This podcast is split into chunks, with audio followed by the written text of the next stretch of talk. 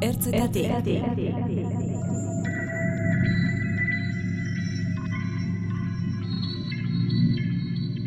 Ongi etorri ertzetatik ertzetako soinuak erdigunera dakarren espazioa. Mikel Izarrak zuzendu eta aurkeztua. Lehen atala autotunea. Gartxotun zain, txiltxoko, amorante, J. Martina, eskaketan eta kasoren hitz eta usnarketekin, eta musika askorekin.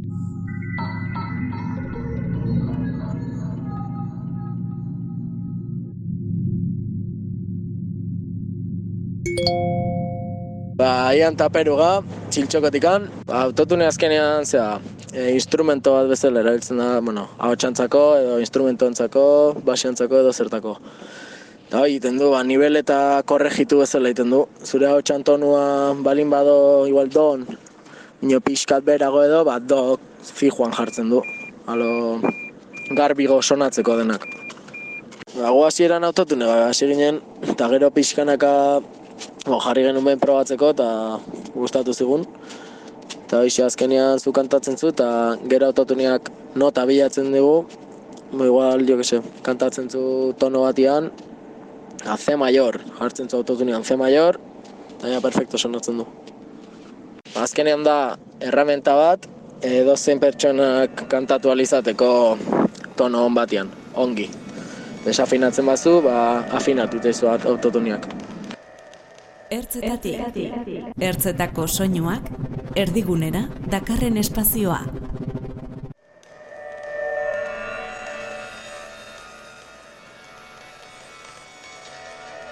Ongitarriak ertzetatik irratzaioko lehen saionetara, nun ertzetatik datozen edo ertzetan dauden soinuak erdikoetan zelako eragina duten aztertu eta ikertuko dugun, edo bueno, beste modu batean esateko, ertzetako musikak musika mainstreamean duten eragina aztertuko dugun, ez? Ni Mikel Izarra naiz eta gure lagun artifizialak esan bezala, lehen atal honetan autotunea eta bere eraginari buruz hitz egingo dugu, kartxotun zainekin eta bueno, beste hainbat artistekin. Txiltxoko gaurreratu diguten definizioaren adibide moduan eta gaian murgiltzeko, Sofia abeslari eta ikoizle eskoziarraren inmateriala bestia entzungo dugu, tresna honi atera dakioken mamia aputxu bete entzuteko.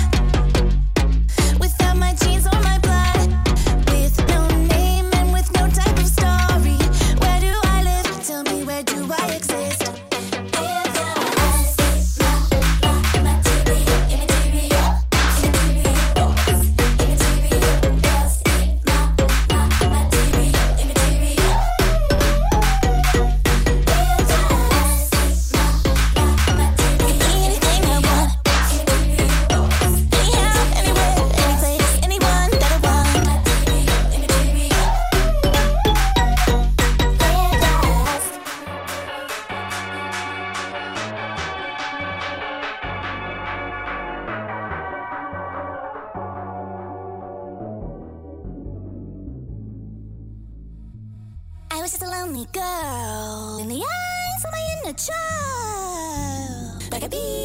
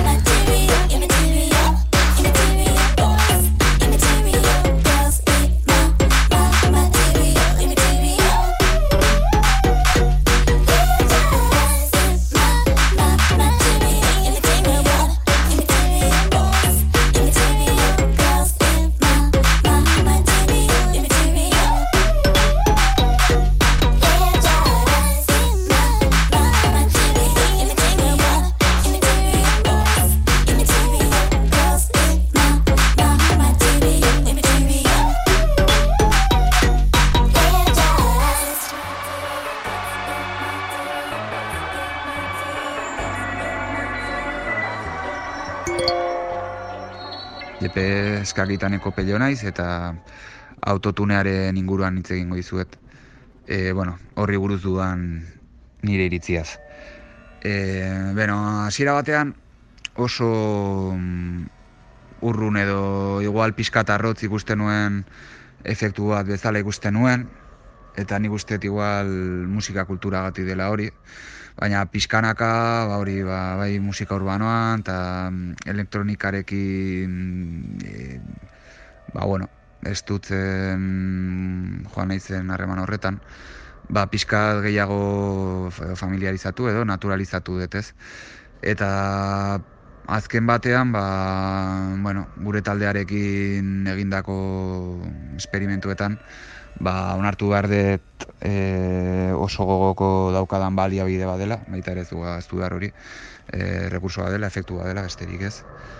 Eta, bueno, e, ondo dagoela ez, jokoa ematen duen bitartean. Ertzetatik entzuten ari zara. Mikel Izarraren podcasta, gaztea.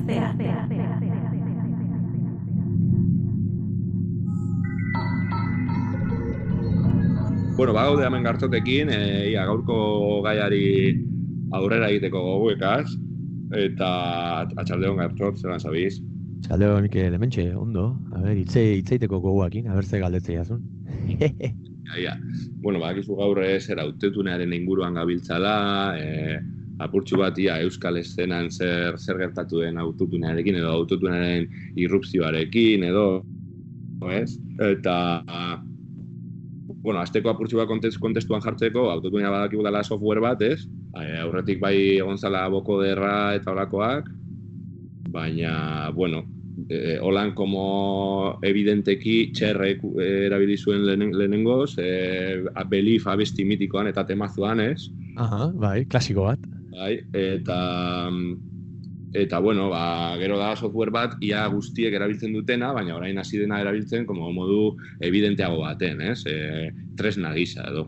Bai, hori da. Nik uste klabea hori dela, ez? Edo itzaletan erabiltzen den, edo zuko ondo esan duzun bezala lehen lerroan jartzen den. Ba, txerri izan zen ikuste ez dakiz zeurtetan, baina hola, lehen lerroan eta gaina gauza guzti bezala hori exageratu daiteke edo, ez? Uste txerren abesti horretan zegoela topean, esaten dena.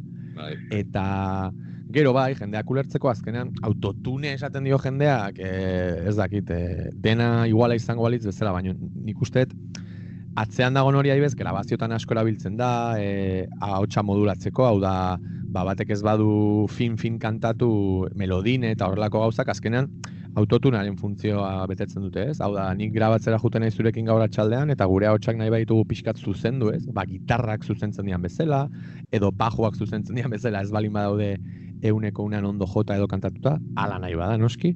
Eta hor, ba, autotunaren edo modulazioaren erabiltzea izaten da estudioan ikuste, et, e, ez dut esango jende guztiak, baino, baino asko erabiltzen du, nire ustez, eta ez dago gaizki, ez? Azkenean ere ez da hemen e, lehen toman dena ondo egiteko farsa hori idealizatu behar, ez? Baina, bueno, hori da estudioko lana bezala. Eta gero bai, e, bazuzenean edo edo aktuazioetan erabili daitekela ba, modu diskretoago batean, e, jende asko erabiltzen duen bezala, artista hundie gainera, notatzen da gainera, edo bestela modu ezain diskreto batean, ba, gaur egun igual trapean eta horrelako e, letra eskasekin asoziatzen den musika horrek egiten du erabilera handia, ez? E, autotunera gaina exageratua. Eta bueno, nik uste dut, e, bai, hori dala bi gauza horiek separatuko nituzke. Gero hitze eingo dugu nahi baezu jendearen iritziaz, baino hori da niretzako. Nik modulazioa ditzen diot, zeratik azkenean eh, nire kasuan gainera nik eh, pedal batekin egiten dut, eta orduan nik e, modulatzen dut hau baino gitarrarekin bialtzen dioten e, seinalean. Hau da, gitarran sol jotzen badet, eta ni sol bat kantatzen ari banaiz, edo bere harmonian dauden horiek, ba, e, honek egiten dizu hori zuzendu. Orduan da, herramienta bat, laguntzen dula asko kantatzen, baina nik hemen botako dut titular moduko bat, nik uste dut eh, estilo askotan erabiltzen dela, ba, ez dut esango igual gabeziak tapatzeko, ez? Baina bai, trapean adibidez, edo lako zeatan trapa esango dut bere e, zea orokorrean, eh? sartu gabe gero dauden delizia eta gauza oso oso berezietan, eta niri kistona gustatzen zezkiteran, ba, baina pixkat orokortzen, askotan ikusten jendeak asoziatzen dula, ba hori, ez, e, kantatzen ez dakien edo kantatzeko moduari modua baterea xola etzaion batek, botoi bati ematen diola eta ja dena dala e, ostadar bat, ez? Eta bueno, ez da ez da horrela, eh? Bada herramienta bat. Azkenan gitarraren pedalekin eta bezala. Gitarre jole batek edo baju jotzaile batek edo baterian erabiltzen duenak zeoz elektronikoare bai, bada katxarro bat bere moldatze prozesua eskatzen duna, e, gitarran tremolo bat edo phaser bat ere sartzen dugunean, ez da phaserari eman eta ja portaventurara goaz. Ez du kanalizatu behar duzu, feixarra zeratik sartzen ari zean, e, e, modulazioarekin ere gauza ikaragarriak egin daitezke, niri artista asko gustatzen zaizkit, e, irutzen zaitena ez dutela modulazioa erabiltzen zerbait estaltzeko baizik eta kreatiboak izateko. Eta nire kasuan sentitu nahi ere hortan ari naizela, ez? E, erramienta bat erabiltzen, ez ezer e, estaltzeko baizik eta zabaltzeko gauza berria. Gero ja estetikoki jendeari gustatzen zaion edo ez, bueno, e, ba, ados nago, baino, ez dakit, igual, autotunea erabiltzen duen bat, e, zuzenean asoziatzea, ez dakit, e, nagitasunarekin, e, zait iruditzen oso justua errealitatearekiko. Baina, bueno, hori nire egitzea. hombre consiento que dicta mi sentencia solo Dios puede juzgarme solo a él debo obediencia hasta que fuiste carcelero yo era tuyo compañero hasta que fuiste carcelero.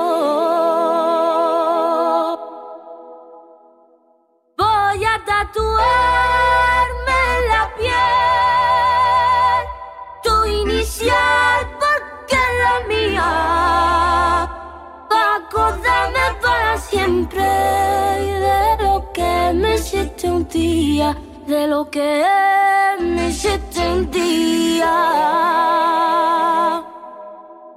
Voy a tatuarme la piel tu inicial porque es la mía para acordarme para siempre y recordarlo toda la vida de lo que me hiciste un día de lo que Hortik zijoan nire bigarrengo galdera edo, eh, zala, bueno, ja, nork erabili zuen lehengo, edo Euskal Herrian zergatik ez dan erabili, edo, eta hortik ja, egon, ginen berbetan, e, emendikat, e, emendikati buruz, ez?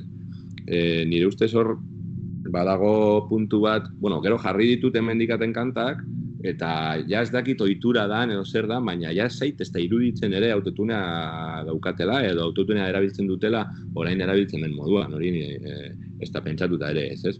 Baina, bueno, horre Jon Andoni Delamok deko liburu bat parti eta borroka, eta horretan ere analizatzen du zelan, ba, ba, hemendikat duela hogei urte zala gauza bat, e, bueno, e, mundu euskaldunean eta bar zirela outsider batzuk eta bueno, hori ez jarri mesez eta orain direla temazoak da nontzat, ez? Como temazo indiscutible moduen.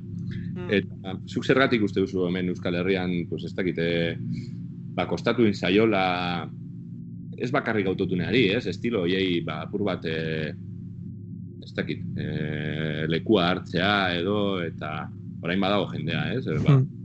Bai, joa, da analisi soziologiko historio bateako dosier bat egin daiteke, eh? Nik nire ez jakintasunetik eta nire e, balkoi xumetik esango nuke herri hontan honeako eta txarreako badaukagula ez dakit nola esan e, a ber nola esango iten, hitzak ondo aukeratu baritute. Mm. Bai, badaja, badaukagun ikustet, e, historikoki eta sozialki, nola esan, e, metafora batera dita, dantza egiteko kompleju bat bezala, ez? Hau da, ez dantza, dantza fisikoa baizik, eta pixkat harima, ez? Dantza neukitzeko kompleju bat, eta horregatik irutzen zait, e, igual oso zapaldua izan den herri bat dalako ere, gehalako ere, e, oso kanpoko estimuloekiko nola esaten da, susmagarri jokatzen dugu beti, ez? Eta kanpoko gauza horiek beti egiten zaizkigu pixkat e, gurea eta gurea gainera dago oso folklore eta tradizio markatuan e, e, sortua eta garatua, ba nik uste askotan ikusten dugula kanpoko imintzio txiki hori e, ez dakit gurea aldatuko duenaren e, amenaza moduko bat bezala. Eta nire ustez ez da horrela. Ez da gauzak ez dira txuriak eta beltzak, baino hemen mundu osoan bezala jokatzen dugu edo ez dakit. Edo zea Euskaldun berria, edo zea metaleroa, edo zea hemendik atzalea, edo futbola gorroto dut, edo kistona maite dut, edo askotan dago e, ez dakit, posizionatzeko beharra eta gainera jendaurrean zure posizionamendua legitimatzeko diskurso baten beharra. Neri gauza batzutan e, irutzen zait, e, batez ere gauza ez dakit, humanoetan, moraletan, irutzen zait posizionamendua importantea dela eta konsekuente izatea, baina ez dakit, musika bezalako espresio eta sentsazioen gune horrek niretzako euki bardu e, eina handi batean esperimentazioetik eta eta begirada zabaletik.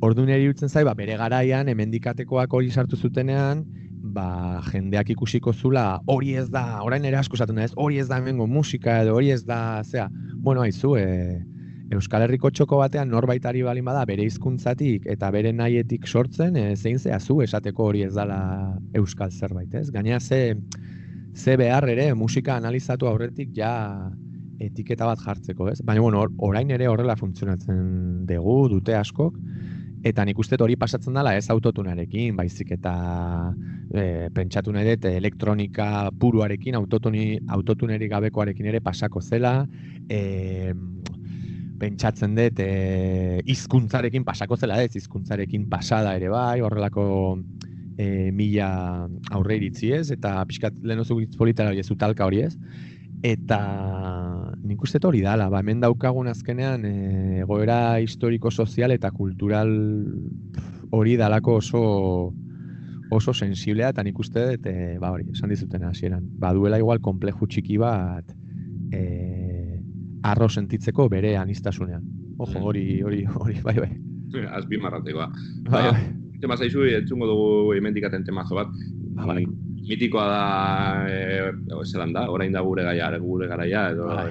baina ani gustatzen zait eskutitza, más baladero, eh? Jarriko eskutitza. Gainera, eta Mikel, ustema diazu gehitzen, justo, okerez da nago eskutitzarena eh, bertxonatu nunik eh, kuarentena garaian egindako egun egun eh, zea, bertxio hoietan, eta pixkatu, ez okarra dali manago, baina jena izguatzen gaina ustez gai honen inguruan zala, edo gai hau neukara buruan, así que, bueno, beritzen, jarri zazu temazua.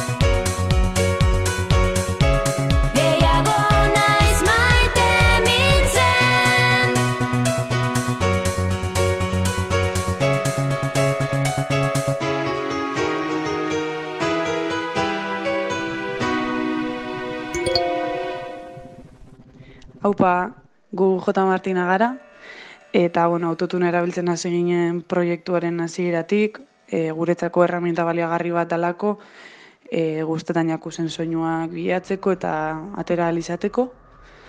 Eta egia da batzutan uste dugula, igual em, garrantzi edo zentralidade gehiegi hartzen duela autotunearen asuntoak, eta igual guretzako ba, momentu honetan interesgarriagoa da beste, beste elementu batzuei erreparatzea edo, edo begiratzea.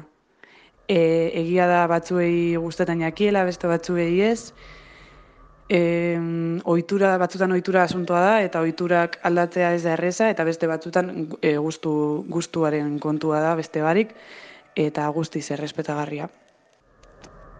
Ertzetatik.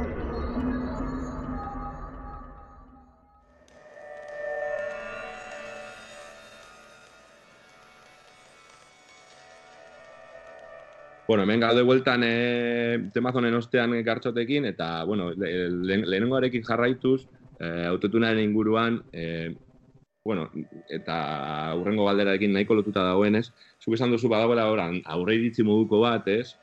Eta nik uste dute hori bai oso teknikarekin oso lotuta dagoela, ez? E, zuk ondo jotzen duzu edo ez duzu ondo jotzen edo virtuoso bat zara edo zutagarren soloak, begira zelako soloak edo ez? Eta hor, e, ze, ze aurre iritzi uste duzu dagoela, ba, ze orain ere bai e, trapa edo elektronikoa edo reggaetoia ez, ez diren estiloetan ere sartzen hasi da autotunea, ez? Nik bakite hor Madeleinekin ere eukin zenutela eztabaida hori, ez? E, Aha. jokatu edo zuk zer uste duzu, ba, ze orain ez da bakarrik e, ba hori, estilo hoietak, hoietara errotutako, er, errotutako zera e, asunto bat autotuneana. Bai dago zabaltzen apur bat. Bai, eh? bai, azkenean, e, bueno, jendearen iritzi eta gustoen guztien gainetik, esan bezala, erraminta badalako, tresna badalako. Eta aipatu dugun arrazoiengatik, ba, bueno, jendeak ez du ez baian jartzen inoiz e, taldean bete beste gitarra jole bat sartzea, edo akaso frikiek bakarrik begiratzen diote gitarren pedalei, baina bueno, e, talde askoren soinuaren oinarrian tresnak daude. Hau da, em, norberaren kapazidade ari gehitzen zaizkion beste mila tresna, ez? Pedalen moduan, e, gitarren soinuan bezala, eta tresna guztiek e, behar dute lanketa prozesu bat, eta norberaren gogo eta kapazidade haren araberakoa da gero lortzen den emaitza. Ordun, ba bai, niri interesgarria irutzen zait, erramintak azkenean zabaltzea eta eta talde bakoitzak bere estilora e, moldatzea.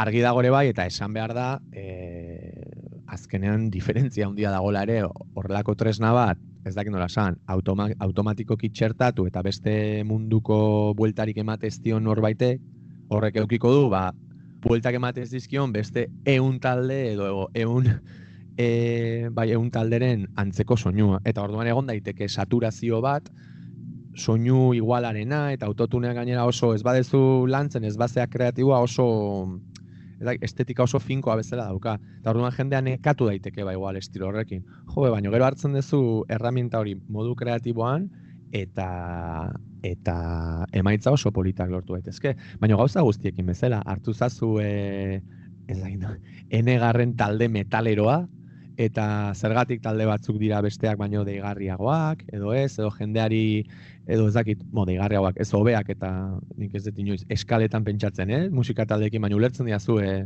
azkenean, e, talde horiek ere sartzen dute elementu berriren bat, edo e, tresna moduan, edo estilo beraren baitaren moduan, be, estilo beraren baitan, ez? Orduan nik uste dut, ba, lanketa eta eta arriskatu hitza ez dakidan, baina bai, lanketa hori e, kuriosoa izatea, e, arriskatzea, e, lantzea, orokorrean lantzea dela e, nire ustez klabea. Eta horregatik izan daiteke, ba, ere, geroz eta gehiago zabaltzen ari dela, ba, azkenean interesgarria delako, e, bakoitzaren ahotsa azkenean automatikoki zuzentzen badizu, niri adibidez asko laguntzen dit ere bai, e, berez iritsi ezin naizen melodiak, nola badukazun horratzean psikologikoki e, korrektore moduko bat, ez? Zuzentzaile moduko bat, zu hasi zaitezke igual falsetean kantatzen eta esaten zu, bai, bai, bai, inoiz ez nintzake ona iritsiko, eta bira, iristen ez, eta gero adibidez hori pare bat tono jetxi, eta, osea, konposatzeko balio din ere bai, orduan, ez dakit, e, batzuk gitarra hartu eta besti oso bat egiteko kapazia daukatez, beste batzuk letra bat egiten dute eta horren gainean melodia batzuk, jendea dago pianoa dela, ostia jotzen duna, nahi fascinanta irutu zait.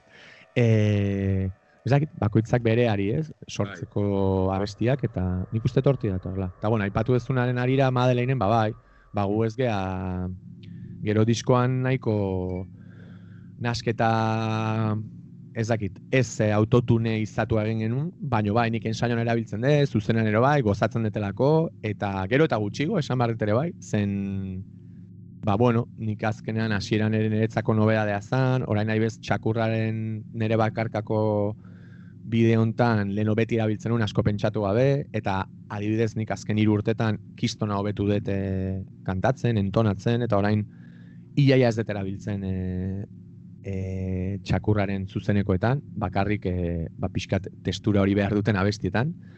Eta bueno, bakoitzak bere prozesua, gora investigazioa, jendeak erabili dezala nahi duen bezala, baino batez ere hori kreatiboak izan eta eta eta gozatu. Ez dakit, niri amorante etortzen zait, pia gustatzen zait berak nola egiten duen. Eta irutzen zaidala tipo bat, hori ezagutze ez dunak, ikusteko besteak beste nola uztartu daitezken makinari gabeko e, kapazidade humano bat, eta kapazidade humano hori makina batetik pasata ere, oraindik e, oioi purdia jartzen duen tipo bat. Orduan, netzako amorante da gaur, aipatzen ari gean, e, tesituraren ondorio bat ateratzeko adibide garbiena. Hau da, hemen ez da ez da txuri ez da beltza. Da gauzak bihotzetik egin, eta gero pasako dira nahi badezu tremolotik, feixerretik edo autotunetik, baina bihotzetik badira jendeari gustatuko zaio. Nikola sinisten duen.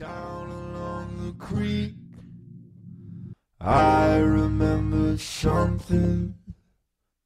Heard the heron. When first I breached that last Sunday. Low moon down the yellow road. I remember something.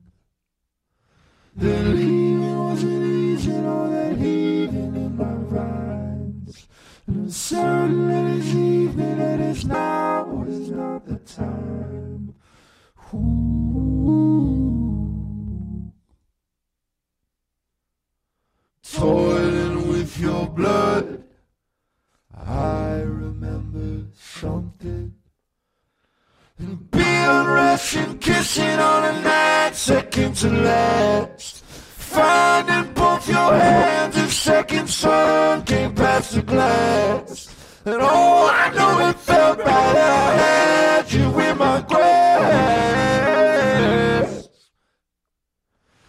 Oh, then how we gonna cry? Cause it once might not mean something. And love a second glance, it is not something that need. Honey, understand that I have been left here in the reeds. But all I'm trying to do is get my feet up from the crease. And I see you.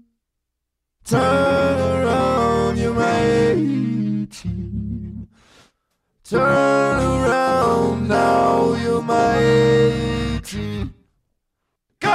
turn around, now you're 18.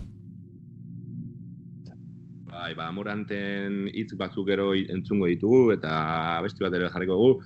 Baina, bueno, e, bai, ausardia puntu hori ematen dizula, ez, uste dut, ez? Eta hainbesteraino, badaudela ebe bai, letra batzuk trapa munduan, e, on, onarte ez dire, ez direnak e, iritsi, bueno, akaso badaukagu txiltxoko gaztetxu hauek, nire asko gustatzen zaizkidanak, baina badago mund, trap munduan lehen esan dozuna, ez? Ba, igual, ez nabil bapes esaten, letran, baina ja autotunearen samurtasun horregaz ja dantzan jartzen zaitut, ez? Edo hor ere badago apurtxu bet, e, beste, autotunea erabiltzeko beste modu bat edo, ez? Baina, bestakit, e, e, gabezia tapatzeko ez, baina permititzen diana edo, ez, e, ausartzera, ba, lautxorra da esaten, eta autotunearekin ja grazia ematen didala, ez?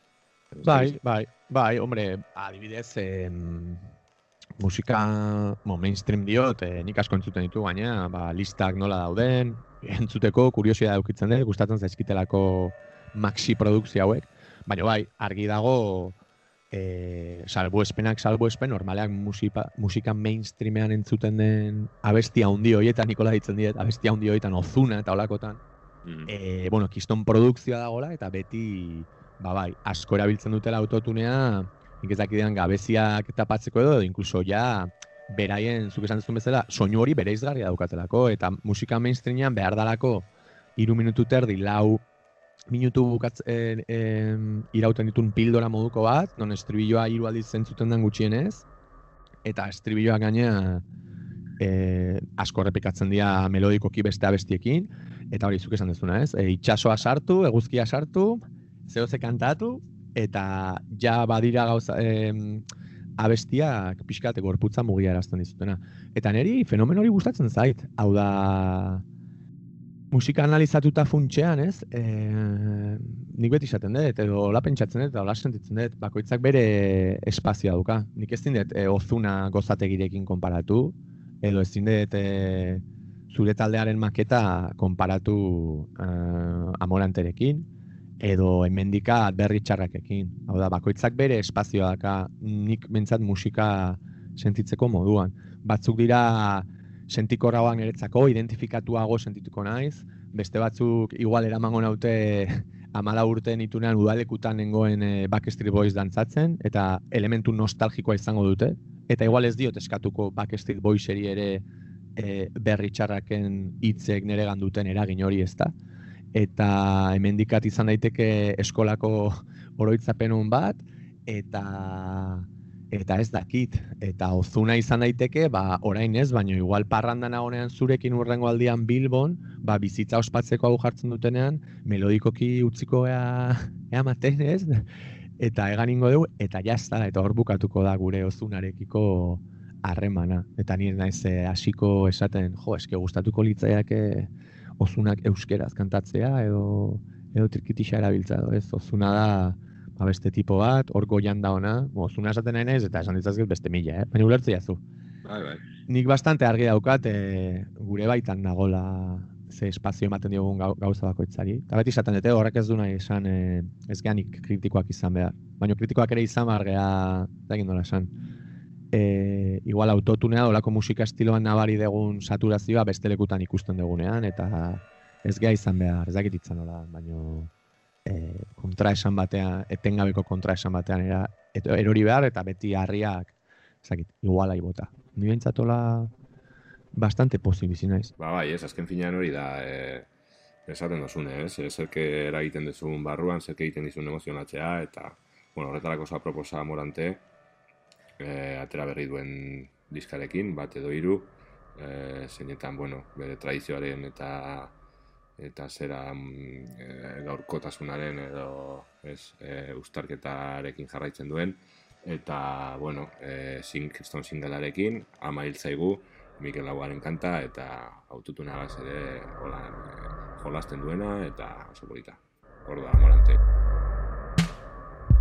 Nere ama hil zait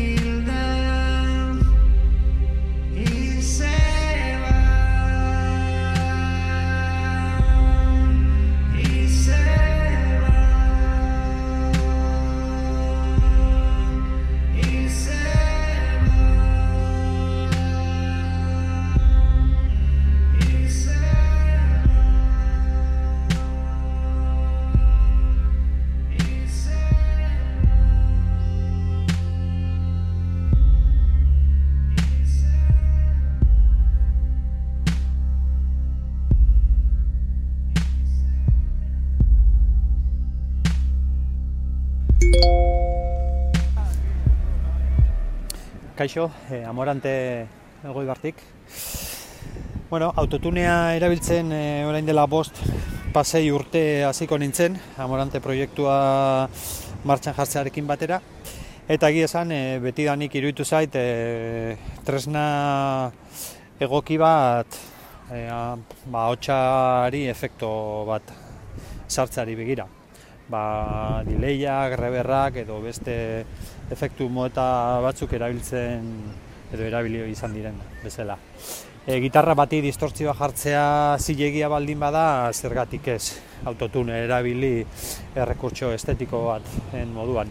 Bueno, e, o, gaur egun e, nahiko erabilia da eta askotan gehiegi, ba gehien bate musika moeta edo estetika konkretu batzuek asko erabiltzen dutelako pues, eh, hip hoparen korronte berriak edo trapa bezalako eh, generoekin gertatzen den bezala. Eta bueno, pues, eh, zilegi ikusten dut eta autotune erabiltzearen eh, alde nago, noski. Baina dena bezala erabilpena eta gehiegi erabiltzearen arteko muga hori zeharkatzea oso horrexan da. Mila esker. Ondo izan. Ertzetatik. E, bueno, bukatuko dugu ja gartxotekin, autotunaren inguruan, e, baina, bueno, bukatzeko ja e, nik aldetuko nizuke ia batetik ze, kontra, ze kontrakotasun duen e, estilo, oza, zera estilo honek edo efektu honek, ez? E, agian e, ahots guztiak berdinak edo e, iru, iru, iruditu al zai- zaizkigula edo ez dakit, e, kontrakotasunik badagoen, ez? E, base nik adibidez, igarri dut mm, niri ja ez zaidala iruditzen ez da autotunik duen edo ez, abesti batek. Ja ez dakit e, bereizten, ez dakit e, zelan esan. Eta mm, ez da faltan, som, eh, faltan somatzen dudala autotunea ez dagoenean, baina ja ez dakit, e, dagoenean ere ez dakit igertzen. Lagun asko esate didate, jo, ekizten autotuna dauka honek, eta ah, bueno, hainbesterako ez da. Eta gero, bueno, ia geldituko dan, gure kulturan, edo ez, etorkizunean zer gertatuko den autotunearekin, e, generazio ba- berriak badatoz, badidez, e, ba hori, J. Martina, Txiltxoko, e, bueno, Kaixokoek ere sartu dute diska berrian, eta ze, ez dakit, ze uste duzun, e, igual, hildo honetatik jarraituko dugun, edo ez, edo... Mhm, mhm. Bai, le, lehenengo galderari erantzuna nik uste dut, e, e, nik uste eta hotxan klabea dela sentitzea atzean dagon pertsona hori, hau da hotsaren gizatasuna, humanidadea. E, batzuk badakate kapazidadea hori autotunerekin lortzeko, baina niri gustatzen zaizkit e, autotune gabe hori lortzeko kapazidadea daukatenak, eta autotunearekin edo modulazioarekin edo pixkat esperimentatuz, berezkoa daukaten kapazidade hori e, biderkatzen dutenak. E, autotunerik gabe atzean ez badago niretzako giza hots bat, autotunerik gabe funtzionatzen diten bat, eta ikutzen ditena pixkat errai, errikutzen dizkitena erraiak, banik lehen etxiko dut bestea. Honi esango diot okei, eta esango dut, bueno, bihar dantzalekuan egongo gea, baino, ez dakit, kaletiko ibai ertzetik ibiltzen, e, o tristeo alaina honean beste batzu egingo hiet kasu, ulertzea zu. Eta, eta ez dakit, generazio berrien e, arira, ba, nire gustatuko litzaiake jendeak modu kreatiboan erabiltzea, gustatuko litzaidake ere azkenean igual horrelako musikak bai medioetan eta bai e, guazen esatea lehengo lerroan e, nola masibo hau konsumitu daitezken, e, igual irismen gehiago daukatela ikusita, animatuko, animatuko nituzke ere generazio berriak bere bihotzari jarraitu eta bakoitzak bere estiloan bere barruko energia hori kanalizatzeari jarraitzea, zen ikuste dut eh, etorkizunak izan behar dula orain arte bezala e, plurala eta anitza, eta bueno, autotunea ez dakit orain ere jarri dan, moda, niri ez zait gustatzen e, esaldi hori, zen modan jarri da, modan jarri da, modan jarri da esatea, beti esaten denik. Da tonteri bat, moda azkenean da zer kartzen duen lehengo lerroa, baina igual atzean hor zegoen, edo beste modu batan, eta nik uste jendea ari dala, jendea ari da autotunerik edo gabe, ari da bere estiloari heltzen, inoiz baino talde ber, e, gehiago daude ere nik uste dut e, generazio berri honetan jo ba, iragan oparo honetatik e, era, e, edaten dutenak eta bere apustu egiten dutenak eta nik uste dut e, ba bueno, e, tresna bezala gehatuko dala eta seguramente beste zehoz ere asmatuko da. Baina nik uste dut, e, gizakia, edo sinistu nahet, gizakia, gizakia dan bitartean, musikan behintzat, e, kasu ingo diola bardeko hau txorri, eta emango diola forma aldun modu hoberenean. Eta gero, ba, beraien lana da horri aukera bat ematea, borrokatzea horregatik, denako laigea, eta bueno, ba, medioen lana kasu honetan ere bai, izan aldizkari, irrati edo telebista, eta ez da beti horrela. E, nire ustez da, gauza guzti hoiei e, ikusgarritasuna ematea, e, beraien iritziaren gainetik, anistasunarekiko apustu bat egitea, zen gizartea anitza da, eta eta musika ere bai. Mhm. Hore, ba, eskerrik asko zure hausnarketa galtik, ia Euskal Herrian lortzen dugun apurtxua gehiago da- dantzan egitea, ez? Eta... Nik uste eta gehala, eh, Mikel, baina igual barrutik. Aber, Raister eh, Hori da. plazan desmelenatzen. Ja. Bueno, oin, oin ez daka itxura handi, baina urren urtiano. Mentalki behintzat. Eta bere metro karratuan hor dantza Hoi da, baino, baino a lo loco, eh? Metro karratua baino a lo loco. Hori da. Eta, bueno, eta eskerrik asko ertzetatik eh, saio berri honetan eh, lehenengoko gonbidatu gaitik, eta eh, utziko zaituztegu abesti batekin niri burua usten diana, eh, dana txiltxokoren zugaz, ez dakit entzun duzu, baina kristatzen mazo irutzen zait. Ba, ez dut entzun, baina oin ensaioak eta busian entzun Mikel. Euskal Herriko weekendak, ordoa. Ojo. Venga, eskerrik asko bartxot. Aio, Mikel, animo. Hau partzetatik eneko naiz, kaixoko gitar joleta bezlaria. Eta bueno, autotunea dagokionez, ba, esan dezakegun gauz bakarra da guri zugarri gustatzen zaigula.